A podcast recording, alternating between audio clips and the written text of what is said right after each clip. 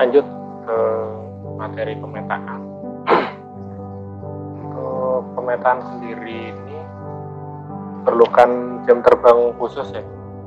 Saya pun di awal-awal cukup kesulitan dalam hal penentuan titik.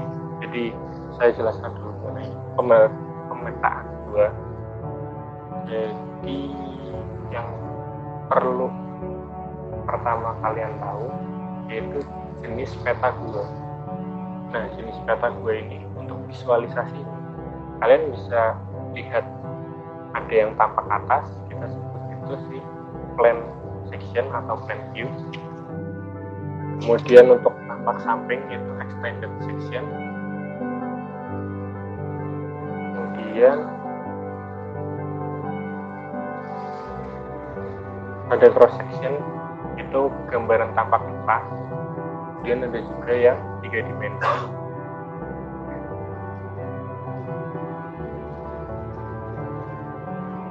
lanjut ada yang namanya grade atau tingkatan.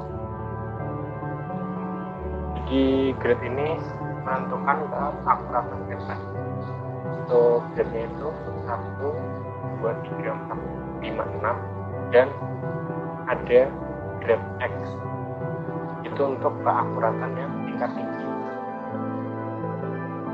Jadi di grade sendiri itu menggunakan grade 3 kenapa grade 3? karena kita melakukan sketsa gua di dalam gua kemudian menggunakan bantuan kompas dan lino untuk kompas itu menentukan si arah pergerakan. Untuk lino kita melihat mengenai kemiringan jadi yang perlu kalian tahu karena kan tadi udah dijelasin mengenai arah artinya ada belokan ada perubahan sudut azimut. Nah, jadi dan juga ada kemiringan. Ini nanti bisa dilihat antara uh, plan view kemudian extended itu jarak di peta belum tentu sama dengan jarak di sebenarnya.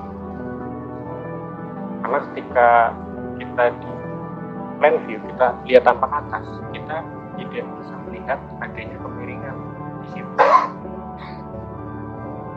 Tapi kita bisa melihat si arahnya. Nah, untuk kita ketika kita menggunakan tampak samping, kita bisa melihat kemiringannya. Kita bisa lihat si jarak, kita. Tapi untuk arahnya itu tidak bisa. Jadi ada yang namanya projected section. Itu digambar tampak samping dan tampak atas. Dan tadi grade-nya eh, tadi udah dijelaskan kalau BRB itu menggunakan grade 3. Kemudian setelah grade ada klasifikasinya. Nah, untuk klasifikasi sendiri ini menentukan keakuratan di lorong tiap stasiun. Jadi per stasiun juga ada keakuratan sendiri. untuk kelas A itu semua detail dibuat di luar kepala jadi eh, ketika kita semua masuk masuk ke keluar jadi seingat kita itu kita gambar yang artinya tidak terlalu akurat kelas A ini. Kemudian ada kelas B yaitu detail lorong diestimasi tapi dicatat di dalam artinya estimasi ini tidak menggunakan alat ukur. Kemudian untuk kelas C itu sudah menggunakan alat ukur dan di tiap dan untuk kelas D itu pada tiap stasiun dan antar stasiun untuk gerbes sendiri itu bisa diklasifikasikan menggunakan kelas C jadi perlu diingat untuk gerbes sendiri itu grade 3 C untuk pemataannya itu dia minimal. Kalau bisa dinaikkan itu menjadi grade 3 D. Nah kemudian untuk pelaku-pelaku pemetaan ini ada lima orang yang menentukan titik-titik stasiunnya nah ini diperlukan uh, jam terbang untuk menjadi leader ini.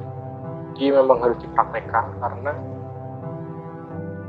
bisa berbeda. Bisa yang tiap stasiun itu jaraknya 5 meteran bisa 2 meter bahkan bisa setengah meter. Nah dia kondisi tertentu kemudian ada sitter yaitu yang atur seperti kompas lino sama meteran dia ada stasioner yaitu orang yang dibidik. Kemudian notulen yang mencatat hasil bidikan sama deskriptor itu yang menggambar sketsa kemudian alat-alatnya saya sebutkan aja ya ada kompas, lino, pita ukur.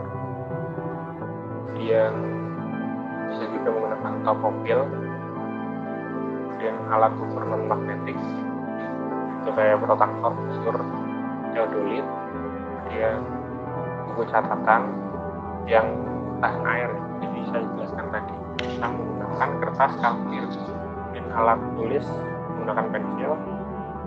Dan alat penerangan marker alat elektronik. Itu rata-rata untuk elektronik ini dikhususkan untuk ngeklik jarak jarak misal kayak laser disco kemudian laser dan lain-lain rata-rata kemudian data survei atas pengolahan orbit dan kalkulator untuk menghitung. Karena e, kita kemampuan matematika juga diperlukan dalam menghitung si jarak kemudian untuk metodenya ada tiga. Yang pertama itu leap forward method yaitu berjalan beriringan. Dari satu ke dua dua ke tiga tiga ke empat dan itu dilakukan oleh shooter dan stasioner. Cara bergantian. Jadi misal stasionernya itu di titik dua shooternya itu di titik satu nanti pindah. Stasioner di titik tiga shooter di titik dua. Itu leap forward method. Kemudian untuk leap frog method yaitu lompat-lompat. Jadi misal untuk si shooter di ganjil nanti untuk semi stasioner di genap. Jadi perpindahannya seperti itu cuman untuk pembacaan datanya bakal bolak-balik. Catatannya cukup sulit tapi bisa dipahami. Kemudian untuk metode tadi kan untuk jalur. Nah yang metode ketiga ini untuk pengukuran chamber. Nah ada dibagi dua lagi metodenya yaitu molekul terbuka dan tertutup. Eh ada tiga. Sama offset method untuk chamber yang uh, panjang kemudian ya cukup sih mungkin deh untuk pemetaan ini karena perlu visualisasi yang lebih matang. Juga cukup jika menggunakan uh, suara saja sekian dari saya mengenai Kevin. Wassalamualaikum warahmatullahi wabarakatuh